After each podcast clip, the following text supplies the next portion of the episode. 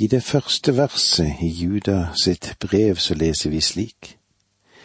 Judas, Jesu Kristi tjener og Jakobs bror, hilser de kalte, de som er elsket av Gud Fader og bevart for Jesus Kristus.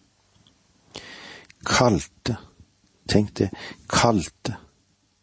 De har fått lov til å høre og ta imot Guds kall, og ikke bare høre det, men de har tatt imot innbydelsen til Guds rike. Som Guds barn er vi også på en særlig måte omsluttet av Guds faderlige omsorg og kjærlighet. Vi er elsket av Gud Fader. Tenk det, elsket av. Bevart for Jesu Kristi skyld. Tenk å være bevart. Det er noe stort som har skjedd. Det var ikke slik at det bare begynte en gang at han ble en kristen. Men tenk å blitt bevart, holdt fast i troen på Jesus Kristus. Men for Judas er dette nok en særlig grunn og vil understreke hvor viktig det er med den gleden som vi har i Jesus samtidig som det er òg farlige åndsmakter som driver rundt oss og de kommer med sine forføriske elementer, og de har trengt seg inn i menigheten. Slik som det òg står i vers fire. For det har sneket seg inn visse folk blant dere, ugudelige mennesker som etter Skriftene for lengst er bestemt til dom. De forvrenger vår Guds nåde så den tillater et utesvevende liv og fornekter vår eneste hersker og Herre Jesus Kristus. Jeg må òg få lov til å vende tilbake til den illustrasjon som den Herre Jesus selv ga da han sa, Jeg er den gode hyrde. Den gode hyrde gir sitt liv for fårene, som det står i Johannes 10, 11 og deretter fortsatte han med å fortelle om sine får. Men dere tror meg ikke, for dere hører ikke til blant mine sauer. Mine sauer hører min røst. Jeg kjenner dem, og de følger meg. Og jeg gir dem evig liv.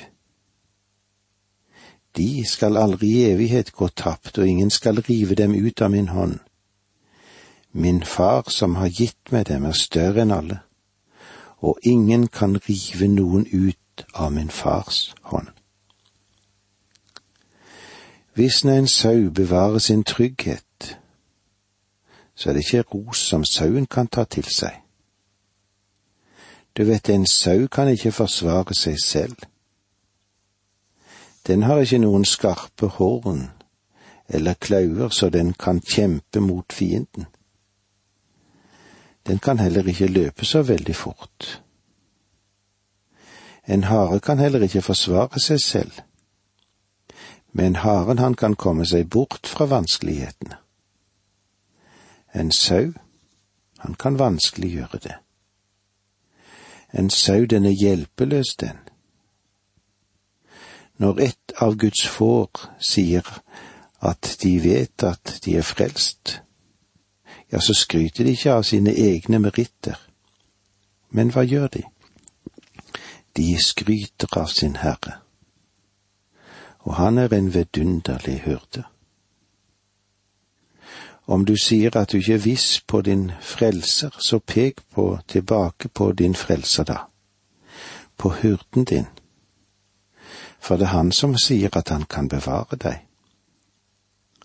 Han sier at ikke noe av det som finnes kan rive deg ut av hans fars hånd. Det er ikke et spørsmål om du kan holde tak i ham eller ikke. Det er bare spørsmål om at han holder tak i deg. Han sier at det kan han, og det er et spørsmål som kommer til oss, kan vi stole på ham? Du forstår at frelsen den hviler på Guds ord. Og så er det opp til deg, da, om du vil tro ham eller ikke. Din frelsesvisshet, den hviler på at han har gjort det tindrende klart at du har en sikker frelse. Her er det Judas sin epistel settes inn fremfor oss. I den tid som vi lever i, i forfallets mørke, i de mørke dagene som vi kanskje får oppleve. Og Gud sier fremdeles at han er i stand til å bevare sine egne. De kalte.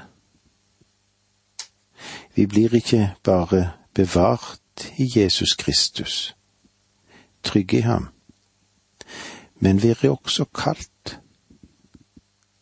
Ordet kalt, det som ble brukt i Bibelen, er ikke bare en innbydelse som ble sendt ut, men det er en innbydelse som er sendt ut og tatt imot og gjort reell på grunn av Guds ånd. La oss merke oss det som Paulus formulerer i første Korinterbrev 1, versene 22 til 24. For jøder spør etter tegn, og grekere søker visdom, men vi forkynner en korsfestet Kristus. For jøder er dette anstøtelig, og for hedninger uforstand. Men for dem som er kalt, både jøder og grekere, Kristi Guds kraft og Guds visdom. Om du i Kristus har funnet visdommen og kraften fra Gud, og du har gitt ham din tillit, da er du blant de som er kalt. Innbydelsen er sendt ut, og når den blir akseptert og trodd, da er du kalt. Det er nøyaktig det Judas mener her, og Paulus beskriver de klar tekst for oss. Men la oss lese det andre verset her i Judas sitt brev. Måtte dere få miskunn, fred og kjærlighet i rikt mål. Vi trenger å være klar over forskjellen mellom disse tre ordene. Miskunn, fred og kjærlighet og vi trenger også å se det sterke fellesskapet mellom dem. Kjærlighet er en av Guds attributter. Det er hans karakter. Fordi Gud er kjærlighet, så er han miskunnelig og har skjenket nåde. Guds kjærlighet omfatter alle mennesker. For så har Gud elsket verden, det er ikke hans vilje at noen skal gå fortapt. I dag elsker han hvert eneste bidige menneske på denne jorden. Han er ingen forbryter.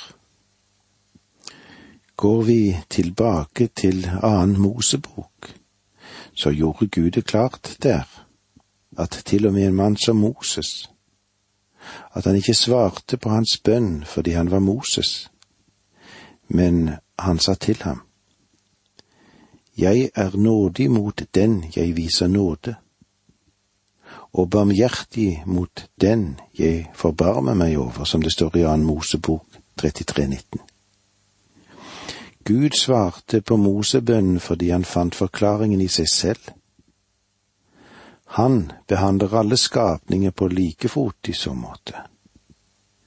Gud elsker deg i dag om du visste hvor høyt han elsket deg, da ville det nesten knuse hjertet ditt.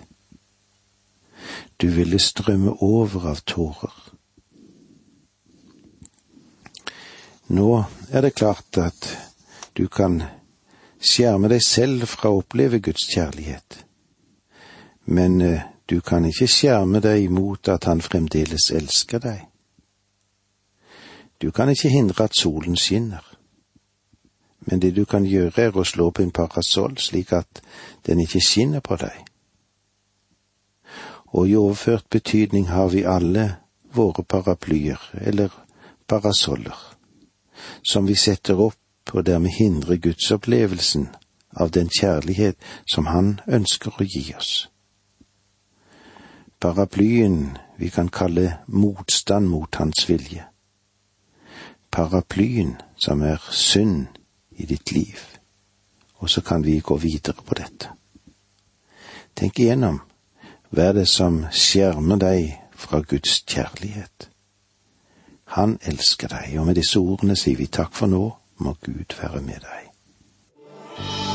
Dette undervisningsprogrammet består av to deler. Åge Nevland fortsetter nå med andre del av dagens undervisning. Vi er eh, i Judas sitt brev dette mektige skrivet som er så viktig for oss, og som har mye å gi oss, vi som lever i denne tidsalder. Måtte dere få miskunn, fred og kjærlighet i rikt mål, står det i andre verset. Måtte dere få miskunn og fred i rikt mål. Denne hilsen i verset som vi har foran oss her, er noe annerledes enn det vi ser i Paulus sine brever, og det som vi òg ser i Peters sine brever. De hadde ordet nåde, men her bruker Judas i stedet miskunn. Det har kanskje den samme betydning. Både nåde og miskunn er begge uttrykk for Guds barmhjertighet han har et sinnelag mot den som tror og som venner seg til Jesus Kristus. Han ønsker at både miskunn, fred og kjærlighet fra Gud må bli oss alle sammen mangfoldig til del. Mangfoldig, mangedoblet. I rikt mål. David Hedegård sa det slik, han, i rikeste mått Gud har stadig mer å gi. Også en fremtid som kanskje ser så helt lyst ut for oss som lever i dag. Hvordan har du det?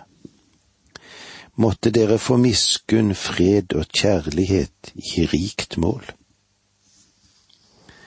Selv om Gud elsket deg, så frelste han deg ikke ved kjærlighet. Du skjønner at Gud har også andre sider ved sin personlighet. Gud er hellig. Gud er rettferdig. Gud er absolutt troverdig. Gud kan ikke lage noen lavere dørstokker for å bringe deg inn. En norsk dommer, han kan holde på lovene i et land og eh, hvis det er en forbryter som er til stede, så kan en kanskje òg komme i en situasjon at bestikkelse blir nevnt, men slikt nytter ikke i Guds rike. Og hvis Gud skal gjøre det med noe menneske at han tar imot bestikkelser, så er ikke han noe bedre enn en kjeltring av en dommer. Nå mener ikke jeg å være respektløs, for jeg vet at Gud er ingen dommer slik som tar imot bestikkelser. Nei, Gud har respekt for sin egen hellighet og for sin egen rettferdighet. Og la oss gjenta for hverandre, for så har Gud elsket verden.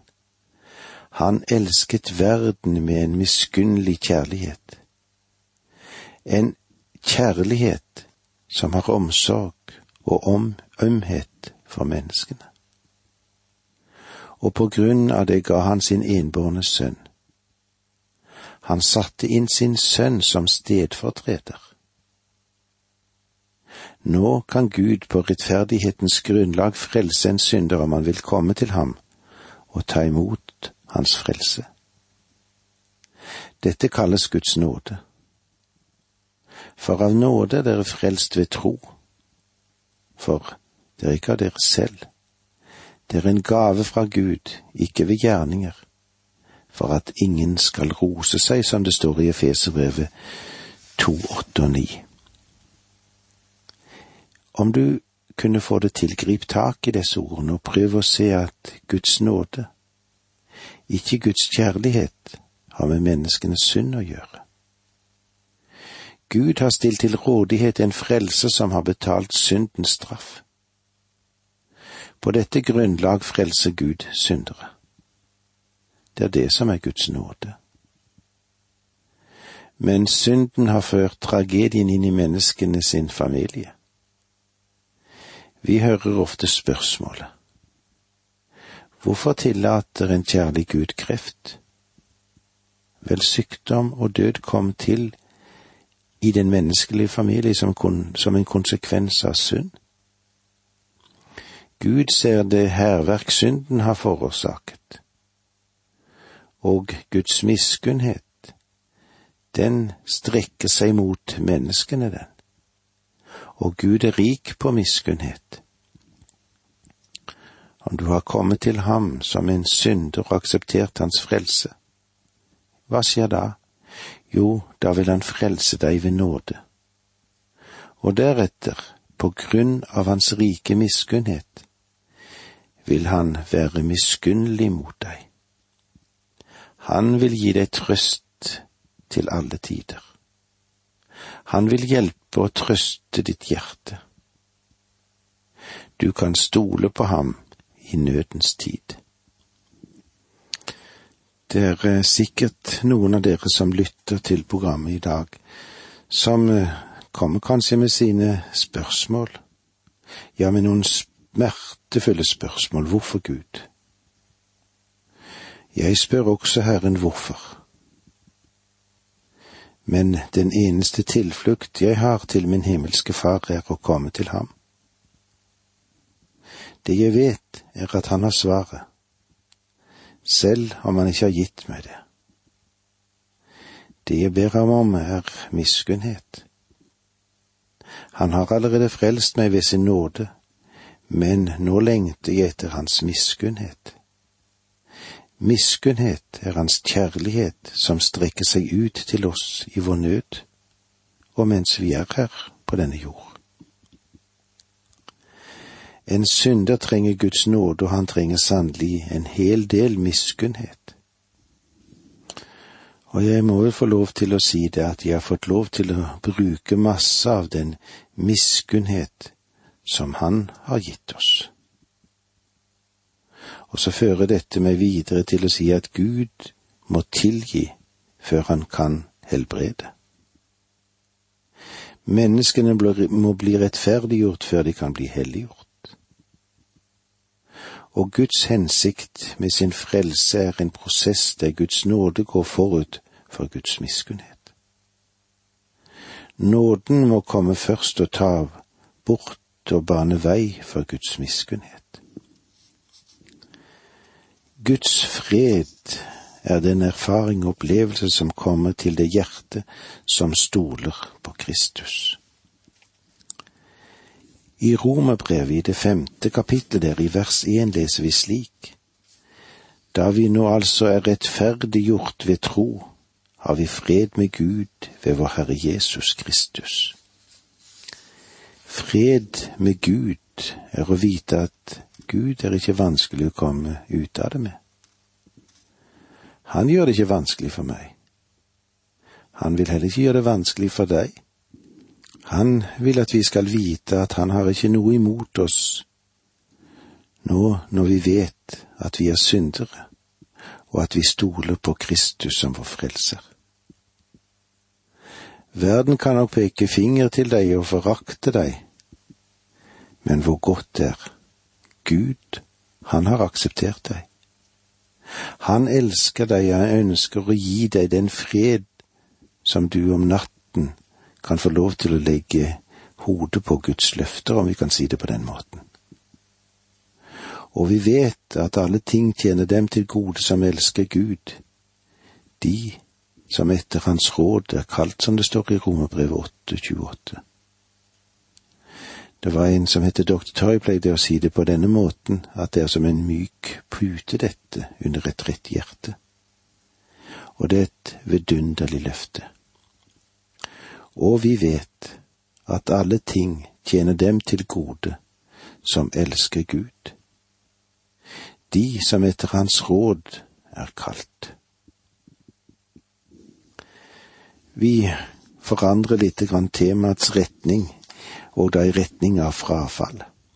I vers tre leser vi, Mine kjære, jeg har et inderlig ønske om å skrive til dere om den frelse vi har sammen men nå ser jeg meg tvunget til å sende dere noen formanende ord om å kjempe for den tro som en gang for alle er overgitt til de hellige. Mine kjære. Når Judas bruker dette begrepet, så betyr det egentlig mennesker som er elsket av Gud, Guds elskede barn. Den frelse vi har sammen. Vær klar over at ordet ha sammen er den norske oversettelsen av det greske ordet koine. Det nye testamentet ble ikke skrevet på klassisk gresk, men på koinegresk eller fellesgresk, som betyr at det ble forstått av alle. Både de som hadde utdannelse og de som var uten utdannelse. Over hele det romerske riket på apostelens tid så var det viktig dette at de skulle forstå oss. Når Judas skrev at han hadde tenkt å skrive om den frelse vi har sammen, så må han ha henvist til noe som mennesker over hele den romerske verden ville forstå. Mine kjære, jeg har hatt et inderlig ønske om å skrive til dere om den frelse vi har sammen men nå ser jeg meg tvunget til å sende dere noen formanende ord om å kjempe for den tro som en gang for alle er overgitt til de hellige. Og med disse ordene sier vi takk for nå, må Gud være med deg.